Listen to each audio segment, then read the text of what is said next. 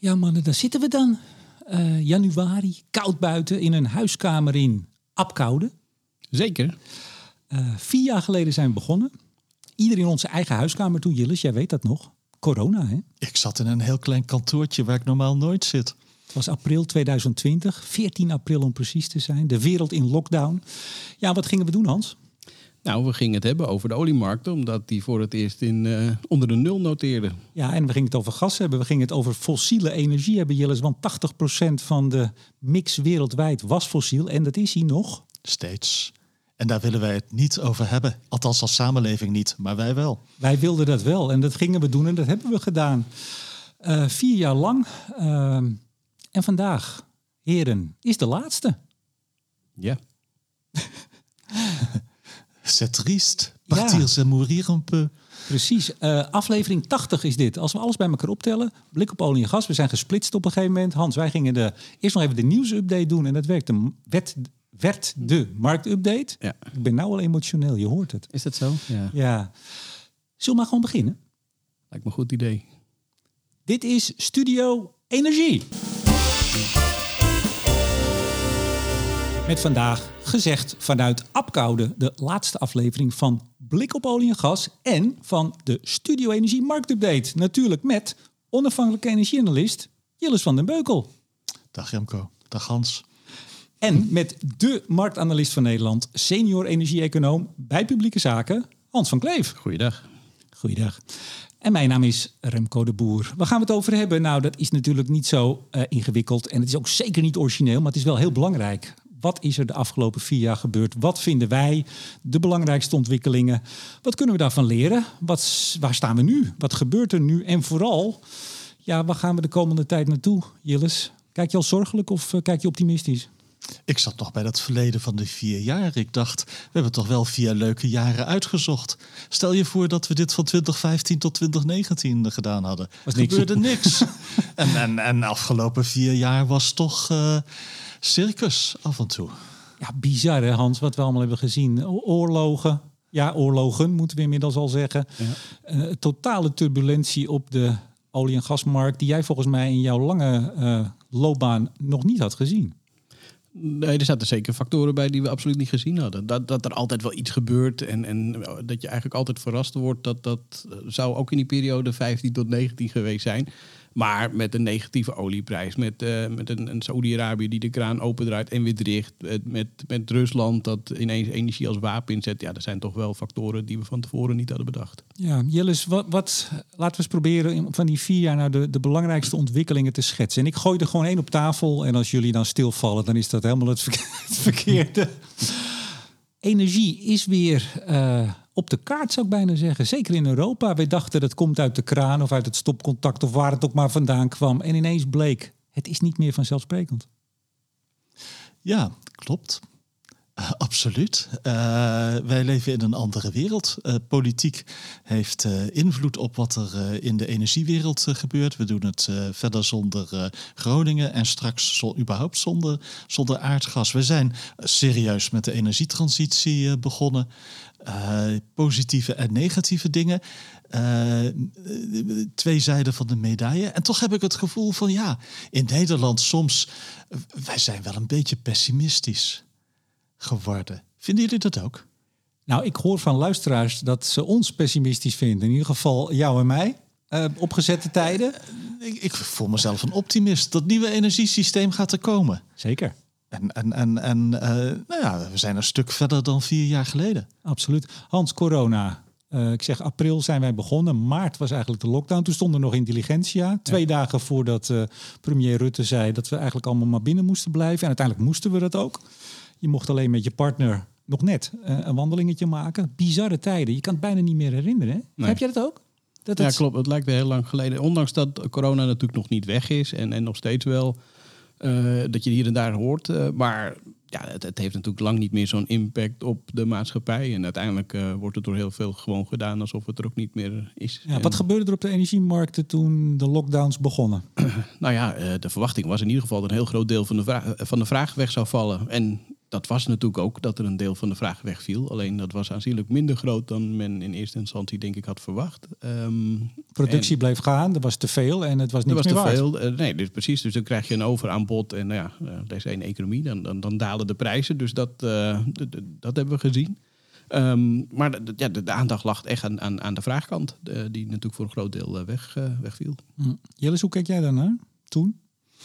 Uh, ja, je denkt aan die 20 minuten dat uh, de olieprijs, althans WTI, negatief was. Eén contract weliswaar, maar toch, uh, dat heeft psychologisch heel veel indruk gemaakt. En eigenlijk op mij ook. Als ik nu terugdenk aan de 2020, ja, dan denk ik aan ja, Chinese huisvrouwen die in olie gingen handelen. En er opeens achter kwamen dat ze voor een miljoen het schip in gingen, omdat die prijs negatief was, een, een, klein stukje. Mm -hmm.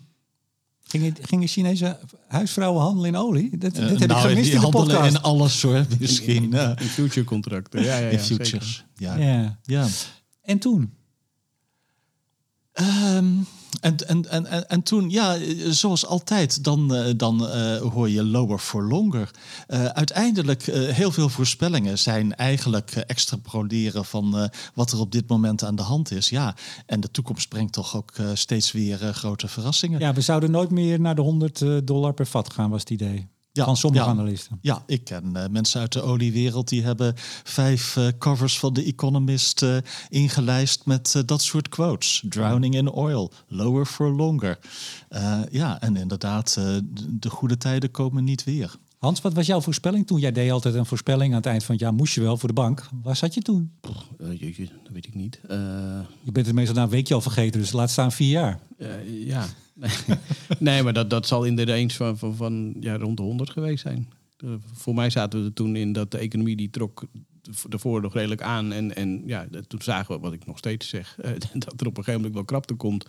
En dat het die prijzen omhoog moet drukken. Dus dat zal gegarandeerd ergens in de 100 zijn geweest. Maar ik zou precies zou ik naar moeten kijken. Maar, en het grappige was, uh, net voor die, uh, dat die prijs onder nul ging... Ik, die, diezelfde ochtend was ik nog op de radio van kan dat? Ik zei, nou, dat, dat, dat gaan we niet zien natuurlijk. dus uh, dat, dat, als je zegt van, ja, wat betekende corona? Ik denk dat het vooral ook weer een wake-up call was. Inderdaad met het lower for longer. Dat, dat voorspellingen in die zin... Um, ja, zeg nooit nooit. En dat, dat is denk ik eigenlijk wel de les uh, die, ik, die ik wel wist, maar weer even boven kwam.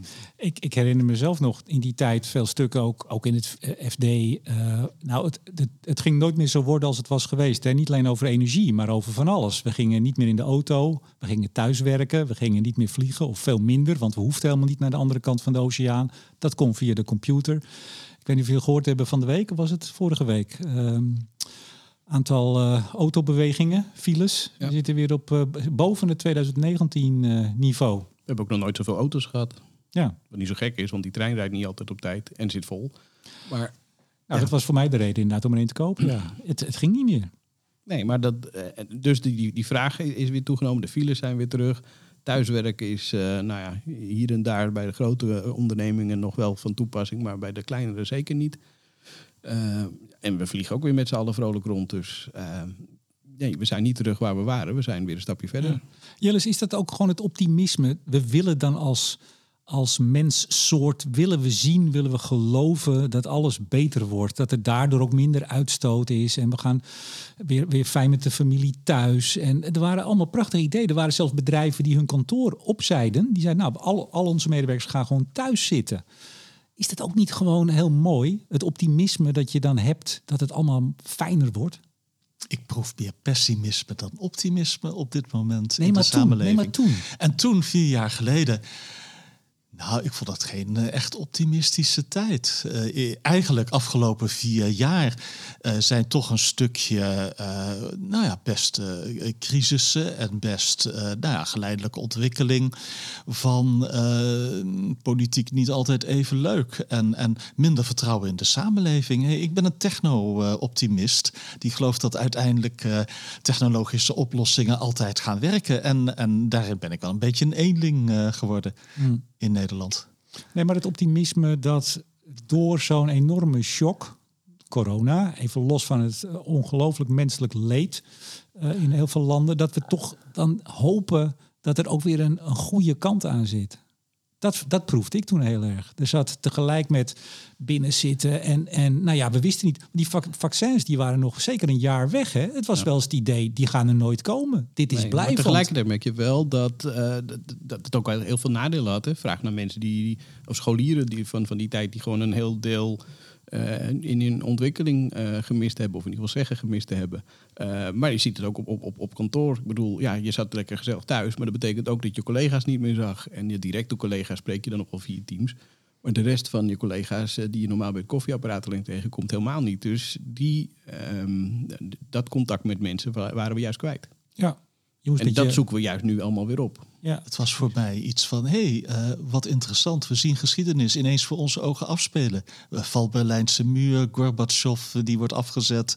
Uh, nou ja, en dan nu een inval Oekraïne, COVID. Dat soort dingen, ja. Ja, out of the blue. Nou, laten we, laten we het daarover hebben. Want de, de vaccinaties die kwamen eraan, de vaccins moet ik zeggen. we, we krabbelden weer een beetje op. En toen in 2021, toen gebeurden er gekke dingen Althans, Martin Visser was een van de eerste die, uh, die daar ook uh, rugbaarheid aan gaf. Dat de gasopslagen niet meer zo goed gevuld werden. Eerst in Nederland, toen zag je het ook in Duitsland. Ja, wat gebeurde daar? Ja, beetje bij beetje uh, schroefde Gazprom de, de export naar Europa uh, een beetje naar beneden. In het begin was dat rond de 10 procent. En dat was niet zoveel, maar het was wel nieuw, want Gazprom had altijd geleverd als daar vraag was. En, en, ja, ze kwamen met dingen als ja, technische problemen, brand ergens in een of andere processing station in, in Siberië of zo. Brug stond open, lekker band, dat soort dingen. Ja, ja, we hebben allemaal misschien wel eens smoesen verzonnen in onze middelbare schooltijd. Uh, nou, dat, dat, uh, dat, was het wel, ja. En wat, zagen, wat zagen we, Hans? Energie als wapen. Ja, nou ja, precies. En dat was natuurlijk uiteindelijk... Ik bedoel, Rusland heeft de afgelopen uh, jaren heel veel dingen gedaan. En altijd hebben we gezegd van ja, prima, en sancties en weet ik het allemaal. Maar van één ding kan je van de Russen zeggen: energie blijven ze af. Dus ze, ze blijven en, en zijn, uh, tenminste op dat moment dan, een betrouwbare partner als het gaat om energieleveringen. Ja, en dat werd compleet overboord gegooid. En uh, ja, bleek toch anders in elkaar te zitten. En als je dan in de jaren daarvoor uh, zo afhankelijk bent geworden van, van, van die import, ja, dan, dan leidt het tot chaos. Ja, ik ga vandaag heel optimistisch zijn. Dus dan zeg ik ja, nou dat was verschrikkelijk, maar Jillis, wake-up call, afhankelijkheid, dat nooit weer. Uh, ja, dat zullen we zien. Hè? Uh, wij, wij, er komen andere afhankelijkheden. Het nieuwe energiesysteem. China die levert 90% van de zonnepanelen. een hoog percentage windturbines enzovoort. Maar goed, daarvoor kun je zeggen van... nou ja, je koopt ze één keer en dan ben je van je afhankelijkheid af. Dus ik ben benieuwd. We gaan naar een andere wereld toe in, in ieder geval. Maar ja, politiek... ja, je hebt altijd die tegenstelling in scenario's van uh, de ene soort scenario waarin we vrolijk samenwerken, het andere scenario waarin we elkaar de tent uit uh, vechten wereldwijd. Uh, ja, het is op dit moment een beetje meer van dat laatste scenario. Ja. VS versus China, Europa versus Rusland, Noord versus Zuid. ja, we zijn geen echte vriendjes. Daar, daar komen, we zo, daar komen we zo op, op, het, op het heden en de, de toekomst. Maar nog even toen, Hans. Um, Rusland, sancties. Ja. Daar gingen we vanaf. Uh, ik weet nog, persconferentie, uh, kabinet, wat was dat? Zaten we inmiddels in 22 na de oorlog. We moesten ze raken, we moesten er vanaf. En toen bleek ook dat we misschien wel een beetje weinig hadden hè?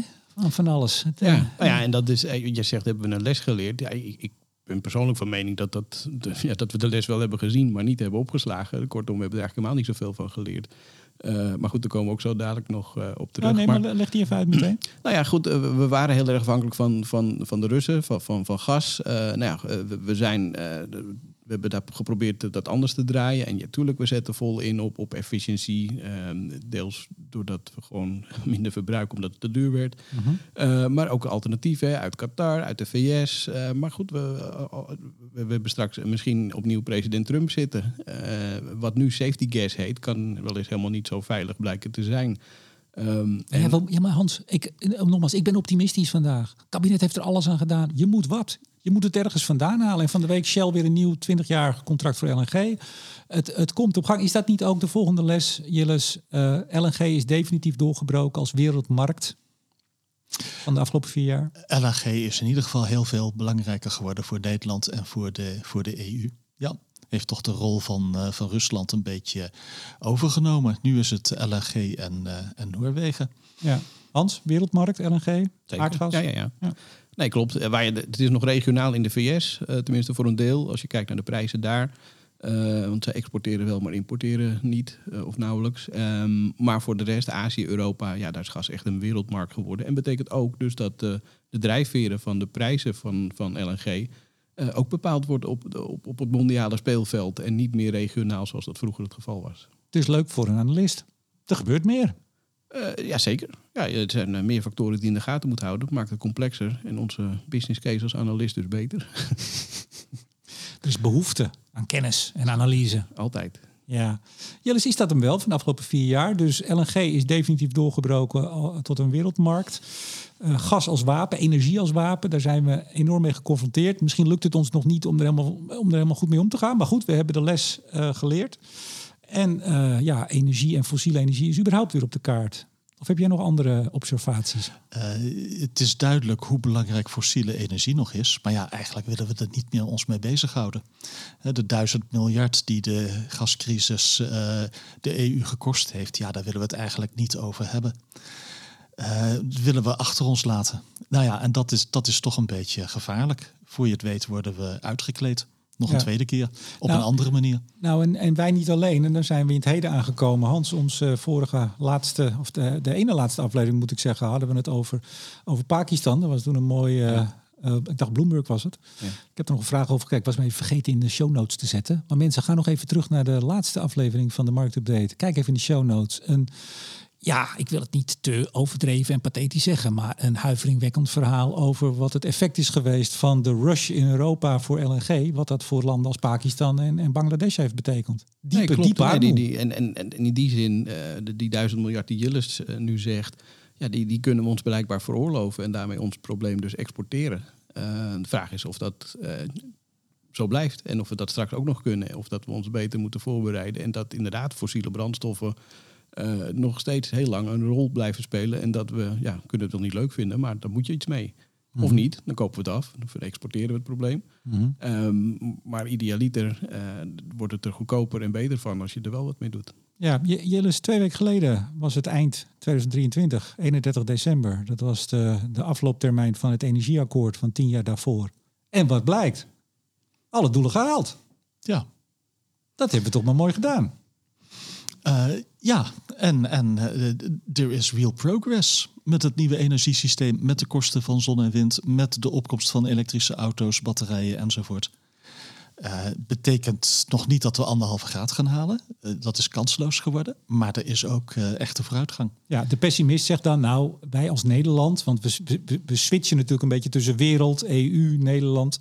Nou, ne Nederland is eindelijk een beetje bij gaan halen, het been. Want we, we, liepen ook ver achter en dat was ook zo. En nu zitten wij op, wat, wat zijn Martien ook weer de laatste keer bij mij? 17% hernieuwbare energie. Nou, we hebben nog ja. niet eens die 80. We zitten nog op 83 fossiel, ongeveer.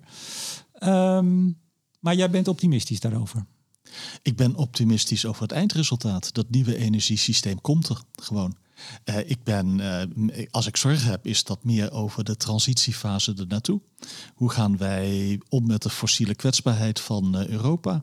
Hoe gaan wij om met draagvlak voor de energietransitie in een wereld waarin populisten het toch behoorlijk goed doen in, in verkiezingen? Mm -hmm. dus het is eigenlijk meer die transitie waar ik me zorgen over maak dan dat eindproduct. Dat eindproduct gaat er komen. Er komt nog allemaal technologische vooruitgang aan die we nu nog niet goed kunnen inschatten.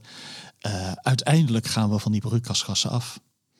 Hans, dit jaar gaan, ik dacht grofweg gerekend, ja niet zelf, maar gelezen te hebben, 4 miljard mensen, althans landen met daarin 4 miljard inwoners, gaan naar de stembus. Ja. De grootste, het grootste feest der democratie zou je kunnen zeggen, ooit gehouden. Tegelijkertijd, uh, aankomende week al Taiwan. Nou, dat is meteen een spannende. En Ja. daar komt eh, van alles aan. En we gaan eh, Europa uiteraard in juni, de VS, maar ook India, noem maar op. Hoe kijk jij daarnaar als analist? Want met de inmiddels aardgas ook als een wereldmarkt. al- je moet alles bijhouden nu. Ja, nee, zeker. Eh, Dat is super spannend. Ik bedoel, en, en dan vergeet je nog de coalitievorming in Nederland, die voor ons natuurlijk ook eh, relevant is. Nee, dat- gezellig, hè, ze zitten in Hilversum. En ze hadden, ze hadden koek meegenomen. Ik geloof Omtzigt had koek meegenomen met Enschede. Is toch leuk? Ja, dat is zeker leuk. Ja, En, en, en ook, Erwtjescake. Ook wel fijn. Ik, ik koek neem je het niet. Maar ehm, Wacht, wacht even, wacht even. Inderdaad, de vorige keer toen bood je koekje aan. ja, en, toen, precies. en nu zei je, ik heb koek en het staat hier ook. Het zit in een prachtig containertje. Het is niet één koekje, maar het zijn er heel veel. Nee, en ik, eh, ik heb hem nog niet genomen. Maar ik zal je ook zeggen waarom. Ik heb nog een heel klein beetje koffie er zitten, maar die is inmiddels koud. En dan zo'n koek erbij. Dus ik wacht even tot straks zo'n een warm bakje Ja, komt. dat doe ik. Ja. Ja. Ga Eh, door. waar waren we? Oh ja, verkiezingen. Nee, ja, het is super, super spannend. Eh, ehm, eh, maar ook vooral omdat, eh, dat hebben we natuurlijk al een beetje een voorproefje gehad in de tijd Trump in de VS. Hè, dat, dat eh, US first. Ehm, en, en dat zien we natuurlijk steeds meer komen. Ja, op het moment, eh, en als je dan doordenkt voor Europa in het algemeen, maar zeker ook voor Nederland, als we heel veel dingen niet meer willen en alleen maar zeggen we, we halen het wel uit het buitenland. ehm, eh, dan moet het buitenland dat wel willen exporteren. En met een, een zoveel verkiezingen op komst en iedereen die meer nationalistisch eh, eh, belangen gaat lopen verdedigen, ja, dan, dan zie ik daar wel wat, wat problemen ontstaan. Ja, hoe kijk jij daar, uh, daar tegenaan, Jillis? De echt belangrijke verkiezingen zijn in de VS, ook voor Nederland. Uh, dat, dat er een reële kans is dat uh, minder dan 50% misschien, maar toch reëel 30% misschien, dat uh, Trump gekozen gaat worden, is een fenomenaal groot probleem. Ja, vind ik eigenlijk verrassender dan alles wat er in olie- of gasprijzen gebeurd is afgelopen vier jaar. Dat na alles wat er gebeurd is, deze man nog steeds een kans maakt. En dat hij uh, ja, toch de westerse wereld naar beneden trekt. Maar stel nou even dat hij het niet wordt. Dan hebben we toch, dacht ik, ook nog wel wat sores hier in de EU. Met opkomend, ja, geef het maar een naam. Uh, populisme, uh, rechtsradicaal. Er worden allerlei namen Orban, aangegeven. Le Pen, AFD en Wilders. Ja, maar ik vind het toch in het niet vallen met wat er in de VS kan gebeuren met, uh, met, met Trump. De, nou, geopolitiek gezien natuurlijk. De, de, dat de VS uh, alleen al op defensiegebied zo'n enorm belangrijk is om, om daarin uh, de rust te bewaren, tenminste vanuit ons perspectief dan. Um, ja, met een Trump opnieuw aan het roer kan het wel eens heel anders worden. En we zien nu al die geopolitieke spanningen in, in het Midden-Oosten. En dat is voor olie echt, en voor gas trouwens ook steeds meer belangrijk.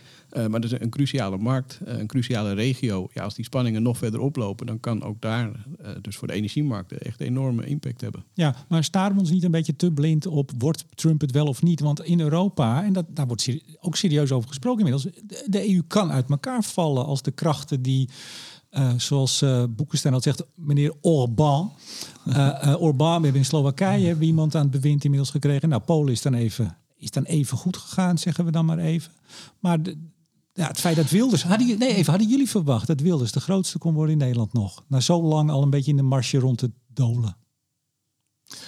Nee, niet, niet verwacht. Maar het is vervelend. Maar Nederland is een klein rotlandje in de EU.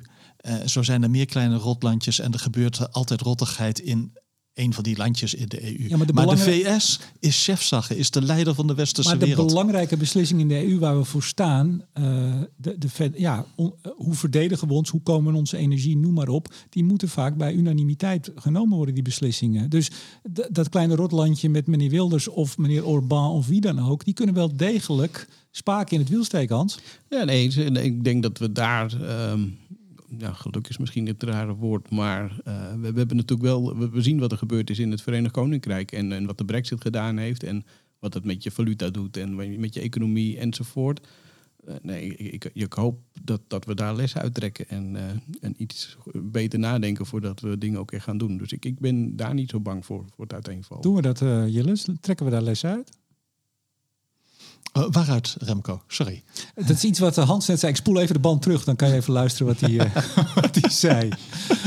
Brexit en dat we daar lessen uittrekken en niet zo snel uit de EU zullen stappen. Uh, nee, ik zie, uh, na, nadat er wat met Brexit uh, is gebeurd, zie ik niet een, een, een, een nexit of een hexit of wat dan ook snel gebeuren. Hmm. Even over de industrie. De Nederlandse industrie, de Europese industrie, die heeft het moeilijk op dit moment. Um, Hoe staan we daarmee, Hans?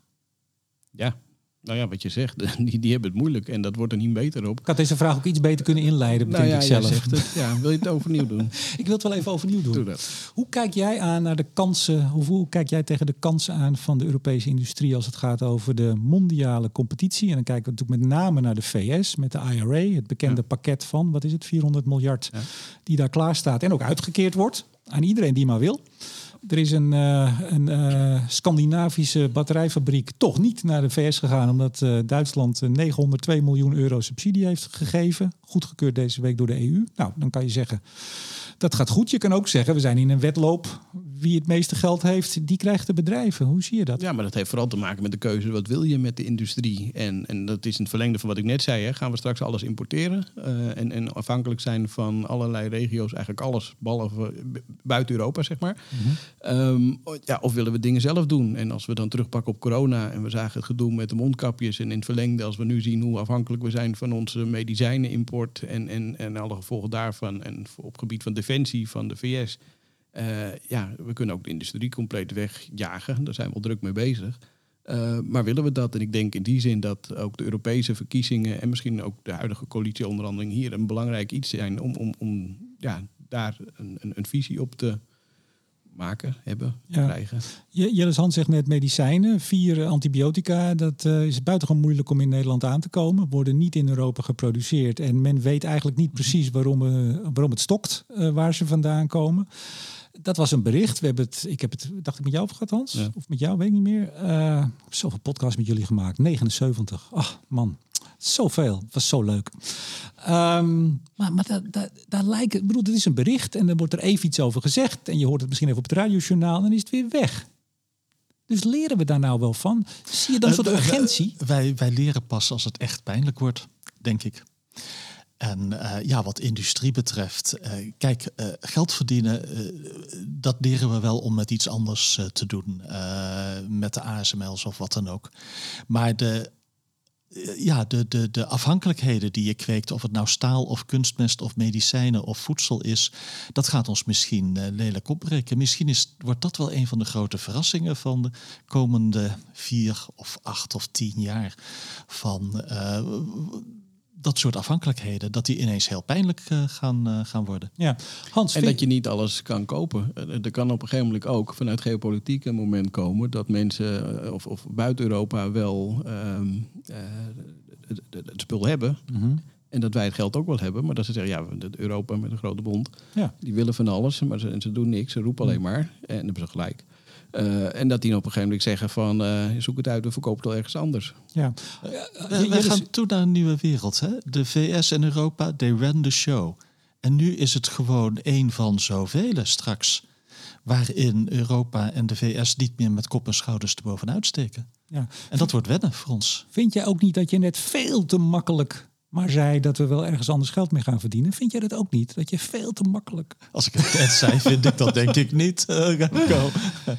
Nou, het verbaast mij wel eens, ehm, nu, nu een klein beetje bij jou. eh, maar ik eh, herken het ook wel bij anderen die zeggen... ah joh, eh, precies, er wordt altijd ASML. Vroeger werd Booking.com genoemd. of straks gaan we nog, nog... We hebben ook een groot bedrijf dat wereldwijd pizza's levert. Wordt daar niet eens, even serieus, wordt daar niet eens wat te makkelijk over gedacht? Nou, misschien, eh, ik kan niet anders dan constateren dat, dat eh, eh, Nederlanders, terwijl ze ontzettend goed zijn opgeleid, eh, behoorlijk hard werken, genoegen nemen met relatief weinig. En dat hun Amerikaanse generatiegenoten, zeg van een generatie onder mij, hè, je weet hoe oud ik ondertussen ben. Nee, geen idee. Oud ben je eigenlijk? 65. Dat durf ik nou voor het eerst in 80 afleveringen te zeggen. Goed, eh, ik begon met 61, dat klinkt al beter. Ja. Ja, alles boven 60 is eh, toch wel echt oud. eh, Maar, maar, maar weet je... Weet je maar zo- ja. eh, dat, dat eh, ja, eh, hun generatiegenoten in Amerika, die willen veel meer hebben aan auto's en aan huizen enzovoort. Maar weet je, ik, ik ben nog geen 65. Ik ben iets jonger. Maar ik ga dus Europa in. En waarom ga ik Europa in? Zoals ik waarschijnlijk als ik nu eh eh, 20 jaar jonger was, of nog jonger. Ja, dit klinkt heel raar, Hans. Ik weet niet hoe jij erin zit. Maar ik zou niet in Nederland blijven. Als, als ik nu een professional ben in Nederland en ik eh, hou me met energie bezig of op industrieel gebied, of ik ben nogal slim op een ander gebied, eh, technologisch of wat dan ook. Ik zou niet. Het Dan klinkt heel liggen naar. de kansen liggen vooral buiten Europa. Ja, natuurlijk. Of eh, buiten Nederland, ja. Ja, buiten Nederland zeker. En- en misschien wel buiten Europa. Dat zeg je eh, wil maken. Nou, een- beetje persoonlijk dan misschien. Er zijn twee punten in mijn leven geweest dat ik bijna echt weg was geweest uit Europa. Eén keer in Amerika, waar ik bijna was blijven hangen. En één keer in Afrika, waar ik heel graag was blijven hangen. Maar om allerlei redenen praktisch. Je vrouw wilde naar huis. Handig. Eh, en kinderen ook. En dat was ook niet beter. Maar ik had een romantische droom. Ik blijf in Afrika. Daarvoor had ik een meer eh, praktische droom. Ik blijf in Amerika, want daar is voor een olie- en gasjongen veel meer te verdienen. En als ik er nu op terugkijk, eh, ja, in het buitenland zijn er ook wel heel vervelende dingen soms. Maar nu, Jillis, nu, even, ja. even nu. Jij bent nu 30. Ja, Je hebt een jong gezin. Je staat aan het begin, of ja, je staat aan het begin van je carrière en je bent nu in Nederland. ja, Waar, blijf jij hier? Ja, ik ging werken in de energietransitie. Als je, ja, oké. Ja, nee, serieus. Ja hoor, ja. ja. Eh, en als ik niet zou in Nederland zou blijven, dan zou ik iets in mijnbouw willen doen. In plaats van olie en gas. Eh, mijnbouw, lithium, kobalt, whatever. Joh. En dan eh, ja, misschien in Canada of Australië of, Oh, dat dan wel. of de DRC, de Democratische Republiek Congo. Ja, sommige landen blijven trekken. Je zou die deden wel uit moeten schrappen, geloof ik. Hè? Als je weer hoorde over de verkiezingen die daar hebben plaatsgevonden. Mijn hemel. Ja, ja, ja. En toch, ja, in alle ellende houden ze wel de boete in, in Afrika. En wij, met al onze mooie, luxe dingen die wij hebben, verliezen soms de moed. Dat heb ik nooit kunnen Ik, begrijpen. ik ben geen Afrika-expert, zeker niet. Maar houden de moed erin. Dat klinkt als een beetje, jongens, kom op de schouders eronder. Maar als je hoort hoe, hoe ontzettend veel conflicten er zijn. eh, de staatsgrepen die zijn daar afgelopen jaar in rastempo elkaar opgevolgd. Waar heel veel mensen zich in internationale media over druk hebben gemaakt. Is die slachting van, ik geloof, 120 christenen in, wat was het, Kenia? Eh, De moed erin houden. Nigeria, dat, denk ik. Nigeria. Nigeria. Dat zou kunnen, ja. ja.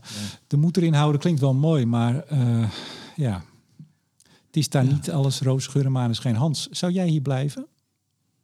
Ja, ik zit, eh, eh, jullie waren gezellig aan het keuvelen. Ik, denk, zat erover na te denken. Ik, denk het wel. Maar dat is ook omdat ik, ik zit natuurlijk. Ik, ik kwam meer uit de financiële sector. Dus de, eh, die hele sector, daar zou ik überhaupt niet meer instappen, eerlijk gezegd.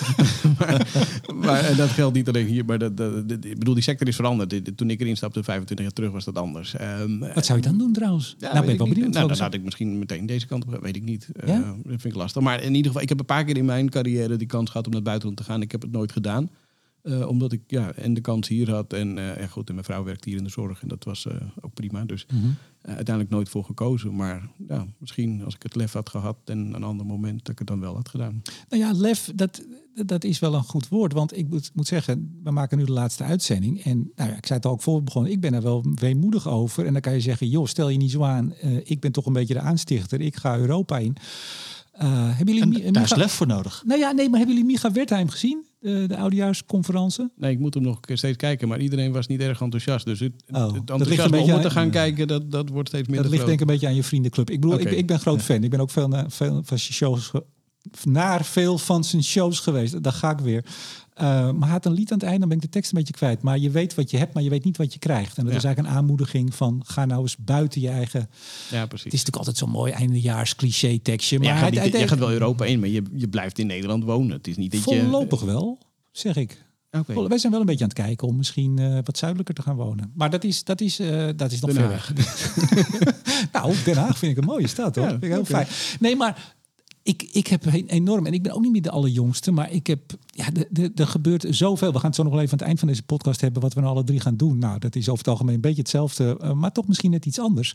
Ja, ik ben, ik ben razend benieuwd en ik ga ook veel op reis eh, het komend jaar en de komende jaren, hoop ik, in Europa. En ja, er gebeurt zoveel, Jilles. En ik wil erbij zijn. Ik wil kijken. Ik wil die mensen spreken. Ik wil daar eh, letterlijk de, de sfeer en ook de lucht opsnuiven. Waar een nieuwe eh, fabriek in Duitsland wordt gebouwd. eh, waar accu's worden Ja. in elkaar gesleuteld. Ik wil bij Hinkley Point C eens een keer naar binnen. Als dat mag. Ik wil naar die lithiumvoorraden in Portugal. Ik wil daar kijken. Ik wil dat protest wat daar ook weer is natuurlijk. Dat is er altijd.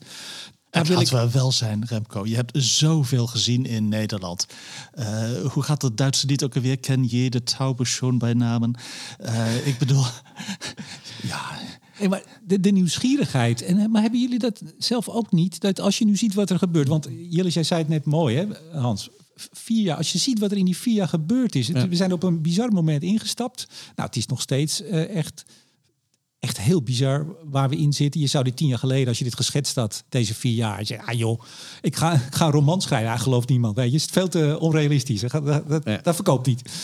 Uh, die nieuwsgierigheid, ja, die heb ik heel sterk. Ja, maar die heb ik ook. En, en, en natuurlijk, als je met klanten spreekt of, of gewoon het, sowieso het hele debat volgt, het nieuws volgt. Uh, er gebeurt zo onwijs veel. Dat is ook het mooie. Denk, en, en in die zin het, het optimisme wat, wat Jillis schetst van, van uh, de, de, de vooruitgang, de stappen die we zetten. Hoe snel het eigenlijk gaat. Want we mopperen wel met z'n allen, maar we gaan supersnel. Mm -hmm. um, ja, nee, dat, dat, dat is fascinerend om te zien. En, en dat maakt je nieuwsgierig en, en enthousiast over, over hoe dat verder gaat. Ja, is dat een beetje een spagaat, uh, Jillis, tussen... Uh, we, we, vorderen eigenlijk heel goed in Nederland. Uh, sterker nog, wat tien jaar geleden is afgesproken in het energieakkoord... hebben we allemaal gehaald. Dan zie je tegelijk partijen, we hebben het er vaak over gehad in deze podcast... die zeggen, nou, we doen helemaal niks. Er gebeurt helemaal niks. Of zoals Gerrit Diemser zei, er gebeurt geen boer. maar tegelijk heb je inderdaad de populisten... die het maar een soort vreselijke linkse hobby vinden... om überhaupt iets aan klimaatverandering of aan, uh, sorry, de energietransitie en klimaatbeleid ja. te doen. Ja. Dat zijn echt, nou ja, dan hebben we het dus over polarisatie. Hè? Ja, en dat redelijke midden uh, heeft het moeilijk daarbij. En dat, dat vind ik wel jammer. Want dat redelijke midden is ja, toch de redelijke weg, in ieder geval voor mij. Hebben we dan niet, Hans, ook het lichtpuntje van, nou, misschien wel de afgelopen vier jaar gezien, in ene Henry B., die van een uh, man achter een podcastmicrofoon die de wereld wilde veranderen en verbeteren uh, via al zijn functies die hij heeft gehad bij een adviesbureau, bij een netbeheerder. Zelfstandig heeft hij nog een tijdje wat gedaan en uiteindelijk zijn plek vond als partijleider van het CDA. Dat is toch, dat is ook weer zo'n jongensboek wat als je dat schrijft denken mensen, nou, dat, dat, dat is te ver gezocht, dat kan niet. Nee, maar en dan, ja, nee, dit is dit denk ik een goed voorbeeld. En zo zijn er natuurlijk vele. En niet alleen Henry B., maar uh, uh, zo zijn er heel veel uh, voorbeelden om, die, die, ja, waarbij je ziet dat, dat in een paar jaar tijd heel veel dingen veranderen. En, en echt niet alleen maar slecht. En zo slecht gaat het hier ook weer niet. Nee. Het feit dat we de, de, zo kunnen mopperen betekent ook dat we het best wel goed hebben. Ja, dus overdrijf ik nou als ik echt zeg, en dat is niet omdat ik Henry natuurlijk goed ken, maar dat ik echt ontzettend blij ben geworden en optimistisch ben geworden door het feit dat hij partijleider kon worden. En het ook, weliswaar in de zetels nog niet en in de stemmen, maar wel in het in de sfeer die er rondom hem hangt. En in de, de vibe, zoals dat zo mooi heet. De positieve vibe die er rondom hem. In die hele partij die in zak en as was. Die weer lucht heeft. Je, overdrijf ik als ik daar heel vrolijk van word? Nee, ik word er ook eigenlijk wel vrolijk uh, van. En uh, um, ik hoop op een beetje meer begrip voor elkaar en een beetje meer samenwerking. Uh, want ja, en misschien ja, ietsje meer goed nieuws. Uh, want er is best heel veel goed nieuws. Maar ja, slecht nieuws uh, scoort beter. Ja, dit lijkt al de laatste woorden. Maar we hebben nog het blokje toekomst, Hans. Ja. Ja. Ja, ja zeg eens iets zinnigs over de toekomst. Nou, dat die lastig te voorspellen valt. Uh, maar uh, en goed, ja, ik, ik heb uh, heel lang bij een bank gewerkt, dus ik kijk vooral altijd naar risico's. En dan, dan is het lastig soms om positief te blijven. Maar er, er, er is heel veel, veel positiefs ook. Wat lach je nou? Oh, over risico's. oh. Ja, nee, sorry. risico's bij, bij een bedrijf als Shell zijn er ook bijvoorbeeld. Droge putten boren. Ik heb er te veel geboord in mijn leven. Ja, ja nee, dat, dat ja, snap ik. Ja. Ja. Overigens ook wel lef van jou om bij die bank weg te gaan. Wil ik ook nog wel even zeggen. Ja, maar dat weet ik een jaar terug. Ja, nou toch. Dus, uh, en, en, maar ook dat, ja. dat, dat heeft ja, lef. Nou, menigeen ja, was gewoon lekker blijven zitten tot zijn pensioen hoor. Uh, ja, klopt. Maar goed, op het moment dat je het idee hebt dat een jas niet meer goed zit, dan uh, kan je erin blijven hangen. Maar je kan ook kijken of, of wat anders. Uh, en ik, ik, wil me die vergelijken met, met, met, met Henry B. of Bontebal, om hem misschien maar even helemaal te noemen. maar ja, op een gegeven moment moet je kijken wat, wat past het beste en waar kom je beter tot je recht. En dat was voor mij een goede stap, denk ik. Ja, en Jillis, dat heb jij eigenlijk ook gedaan. Hè? Dat, dat hebben we wel eens gezegd. Maar jij, jij hebt ook je pensioen, althans een, een deel van je pensioen achtergelaten en gezegd: ik stop hier bij Shell. Ja, op het, ik heb het uh, lange tijd leuk gevonden. En op het moment dat het niet meer leuk vond. En je wel nieuwsgierig bent. Want nieuwsgierig, dat, dat zijn wij alle drie. En, en dat je dan bereid bent om uh, de sprong te nemen. Misschien wel à la Henry, uh, de scheepsjongens van Bontebal of zo. ja. Hans, de toekomst. Even kijken. Nou, het zijn eigenlijk toch, denk ik altijd, dat gebeurt natuurlijk meestal bij het uh, nadenken over de toekomst. Dan kijk je eerst waar staan we. Dat hebben we net gedaan. We hebben gezien waar we vandaan komen. We hebben gezien geopolitieke spanningen. Nou, die gaan de komende jaren Zeg ik, vraagteken niet afnemen, eerder toenemen. Eerder toenemen, ja. En die, ja, dat, dat is natuurlijk vaak wat we horen. Van als we van fossiel zijn, dan is dat probleem ook getackled. Ja, dat is natuurlijk onzin. Want uh, ook hier, uh, heel veel metalen komen niet uit de grond. Sterker nog, willen we nu in Europa überhaupt niet. Uh, onze fabrieken gaan weg. Dus we, ook, ook of zonnepanelen, windmolens en noem alles op wat we op duurzaam terrein willen hebben. Dat, dat komt ook niet hier per se vandaan. Dus we blijven afhankelijk van import en dus van geopolitiek.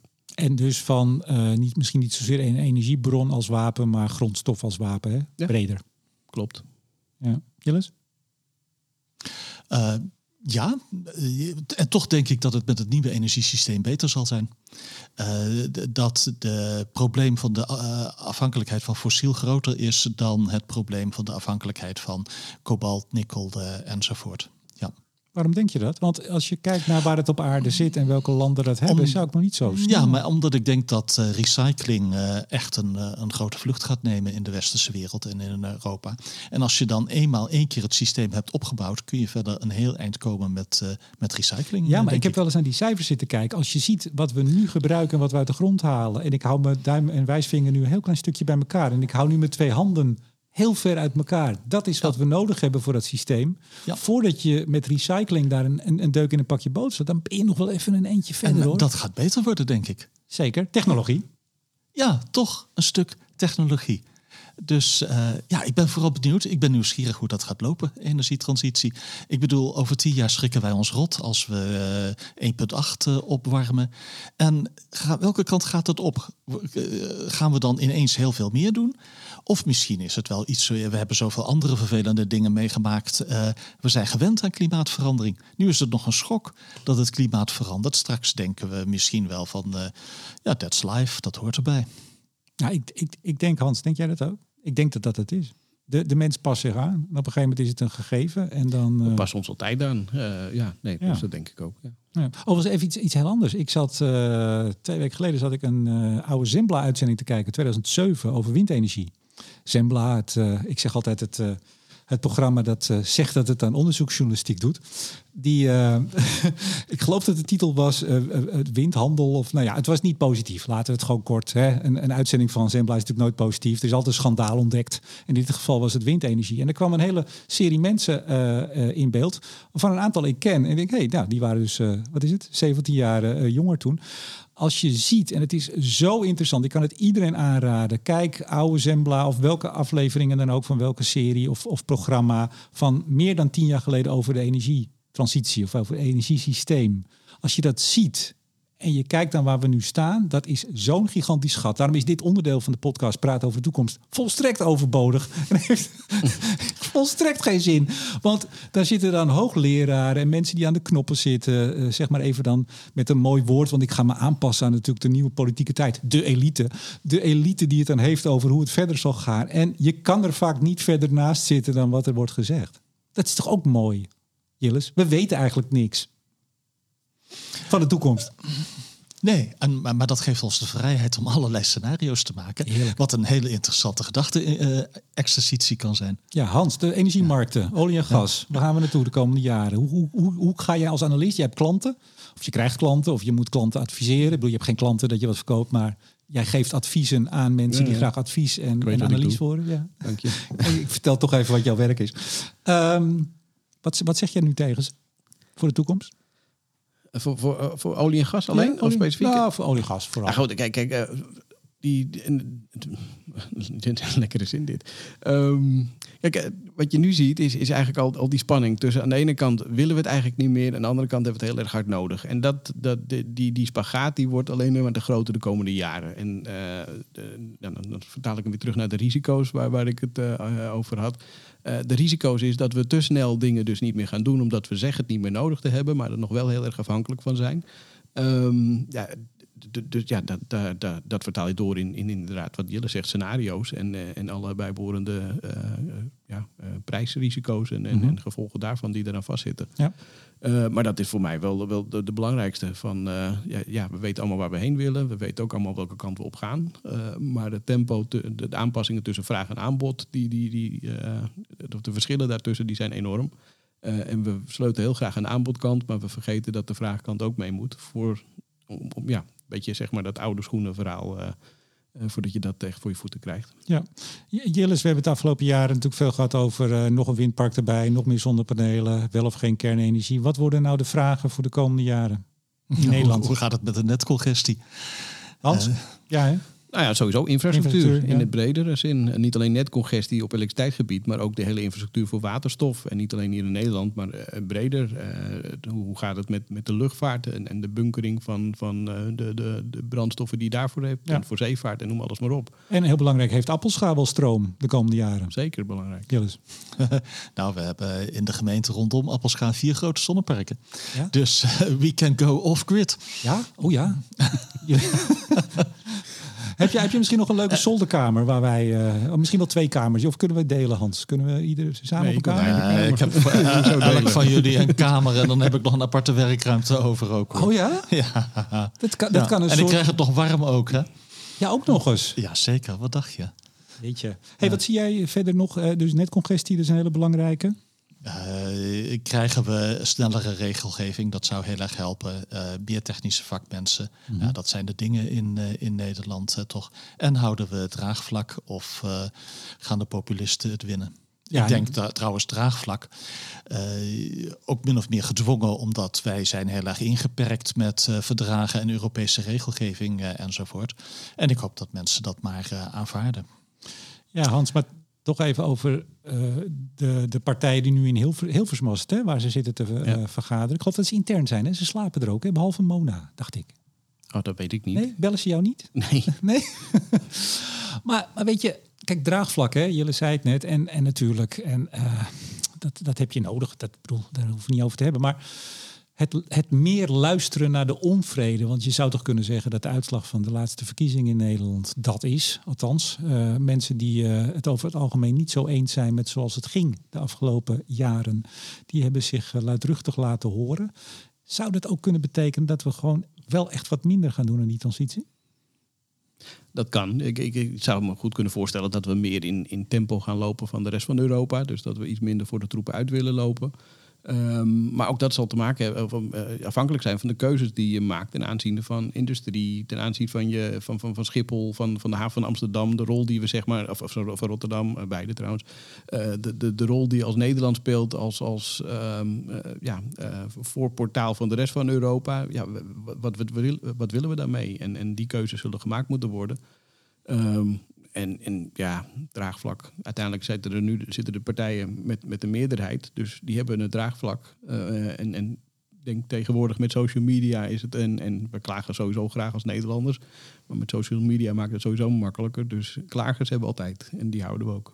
Ja, ik, ik wil zelf nog even iets toevoegen, want ik, ik deel veel berichten op, op LinkedIn en, en elders. En ook in de podcast hebben we natuurlijk vaak een wat, wat eh, kritische grondhouding. En misschien soms ook een wel wat, wat sombere, dat wil ik best toegeven. En dan als ik berichten deel over de deindustrialisatie in Nederland, dan lijkt het soms dat mensen zeggen wel eens, ja, maar wat, wat vind jij nou eigenlijk? Bijvoorbeeld, ik was laatst met, met eh, de baas van Tata Steel bij, bij BNR. En ik begrijp dat het wel eens lijkt alsof ik het allemaal wel best vind. Dus tegen de mensen die dat denken van mij, die wil ik toch zeggen, nee. Ik vind dat wij absoluut industrie moeten hebben in Nederland. Dat wij ook staalindustrie moeten hebben. Dat wij niet alles, we hoeven niet autarkisch te worden zoals men in Appelscha gaat worden, heb ik net begrepen. Maar we moeten natuurlijk in Nederland spullen blijven maken. En ik, ik zou bijna zeggen, moet ik dat vertellen? Nou, blijkbaar, want ik geef wel eens een, eh, een ander beeld, eh, eh, hoor ik terug. Ja, natuurlijk moeten we spullen blijven maken. En daar zitten ook nadelen aan, Hans, zeg ik altijd maar. Het is tuurlijk. niet alleen maar roze geur en maneschijn. Nee, was maar zo. Nee, was het maar zo, precies. En dat moeten we wel blijven doen. En dan hebben we het niet alleen maar over industrie. Want ja, kijk, Jillis is natuurlijk een fossiele lobbyist. Ik ben een fossiele lobbyist. Hans, jij bent een fossiele lobbyist. Wij zijn allen fossiele lobbyisten. Op het moment namelijk dat je iets zegt wat eh, in de pas loopt bij wat de industrie zegt. Maar het is natuurlijk zo, Jillis. Dat hebben we gewoon heel erg hard nodig. We hebben heel veel nodig. We hebben spulletjes nodig. We hebben mensen nodig. En we hebben optimisme nodig. Ja, Hebben jullie nog wat op je lever? Want eh, Hans, jij hebt drie plaatjes liggen, jij hebt er twee. Ik heb er ook een paar liggen. Jilles, slotronde, voordat we gaan afsluiten. Wat wil je de, de natie nog kwijt? Eh, laten we elkaar een beetje blijven helpen, steunen en laten we nieuwsgierig blijven. Mooi gezegd, Hans. Eh, en, en in ogenschouw houden dat het de transitie is. Het hoeft morgen niet over. Het kan morgen ook niet over zijn. Uh, dit kost jaren, decennia misschien zelfs. Uh, dus ja, je kan wel heel hard gaan roepen dat sommige dingen per direct moeten stoppen, om wat voor reden dan ook. Maar helaas, zo, zo werkt het niet. Dit is dan het moment waar we altijd zijn aangekomen dat we de vooruitblik doen, die jullie beiden meestal niet voorbereiden. Jillis, misschien hoeven we het niet te hebben over waar jij nou de komende weken naar uitkijkt. Maar wat ga je doen? Want je bent hier straks niet meer te horen.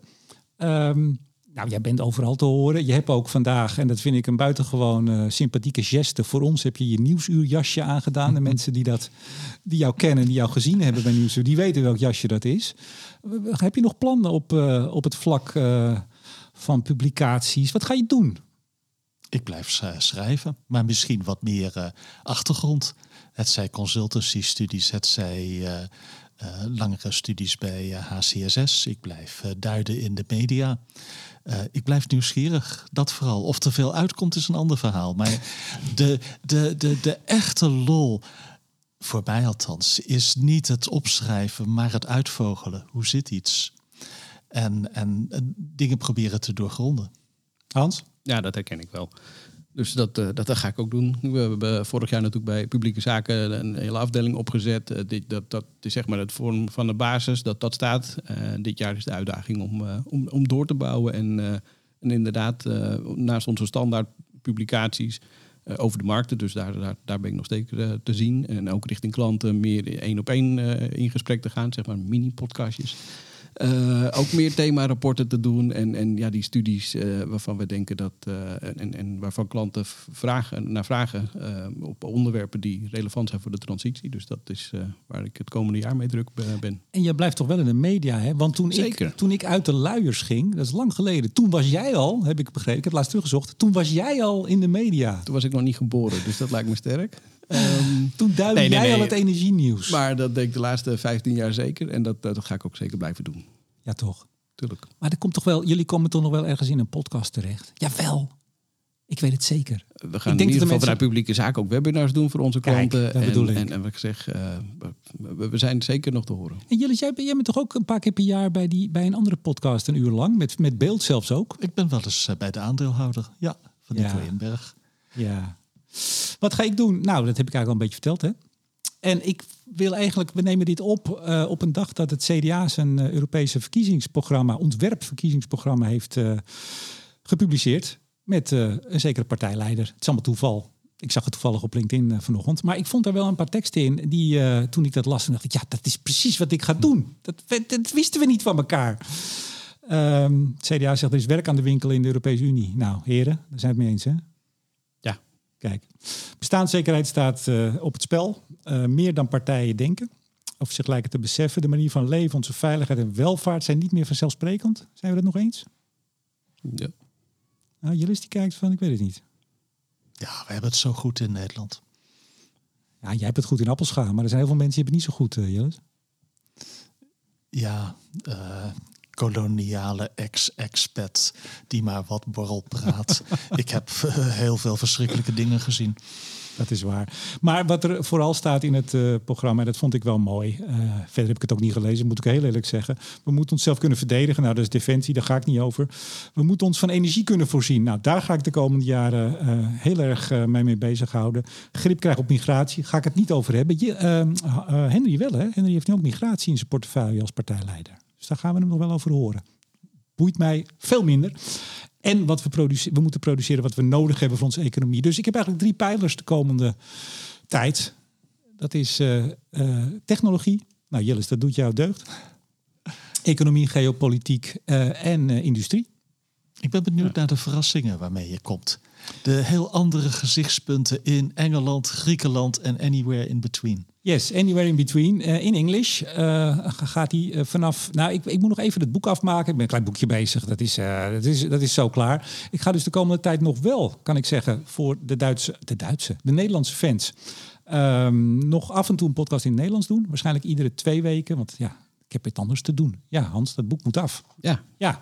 Maar uh, helemaal niks doen de komende maand, twee maanden, dat vind ik ook zo. Uh, ja, dan valt het ook een beetje stil. Dus er komt nog een hele leuke podcast in ieder geval aan over netcongestie. Met de expert in Nederland. Kijk, Durf ik te zeggen. nou, Wordt heel interessant. En benieuwd. nog wel zo wat. Dus dat ga ik in ieder geval nog doen.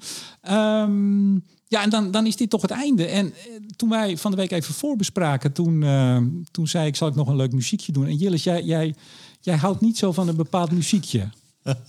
en toen zei je, dat, dat ga je toch niet doen, hè? Dat is deze. Dat vind jij niet leuk, hè? Nou, ik zet, hem, ik zet hem gauw stil. En toen dacht ik, ik moet toch iets, iets vinden wat een beetje stemmig is. Wat een, een afscheidslied is, Hans.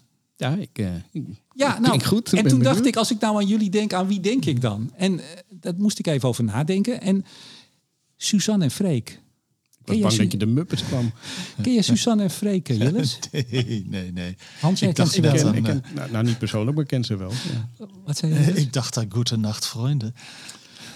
Nee, Met het nee. oog op morgen. Nee. En die hebben een fantastisch mooi lied. En ik zeg dat zonder eh, ironie. Die hebben een zo mooi afscheidslied. Ik denk ook dat dat... Nou, het is nog niet zo oud. Maar dat zal zeker in de uitvaart top 10 gaan komen. En misschien staat hij er al. Nee, dat is echt een... Ja, ik, nee, serieus. Ik word er echt geëmotioneerd van als ik het speel. Dus die ga ik straks, als we de afsluiter hebben gedaan, ga ik die even spelen. Dan gaan we even met z'n drieën met de ogen dicht gaan we er even naar luisteren. Tot aan de laatste noot. En dan zijn we klaar. Dus ik zeg, tot zover blik op olie en gas en de Studio Energie marktupdate met onafhankelijke energieanalist Jillis van den Beukel. Het ga je goed. Remco. Jou ook. En met de marktanalist van Nederland, senior energie-econoom bij publieke zaken, Hans van Kleef. Dankjewel. En mijn naam is Remco de Boer. Graag tot de volgende keer. We zouden altijd samen blijven. Jullie was-ie, was-ie, was-ie.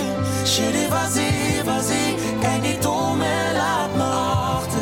En tot je terugkomt blijf ik wachten. Jullie was-ie, was-ie, was-ie. Jullie was-ie, was-ie.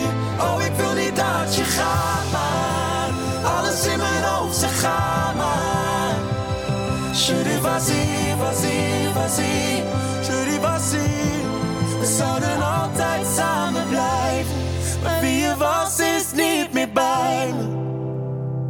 Jullie was-ie, was-ie, was-ie. Jullie was-ie.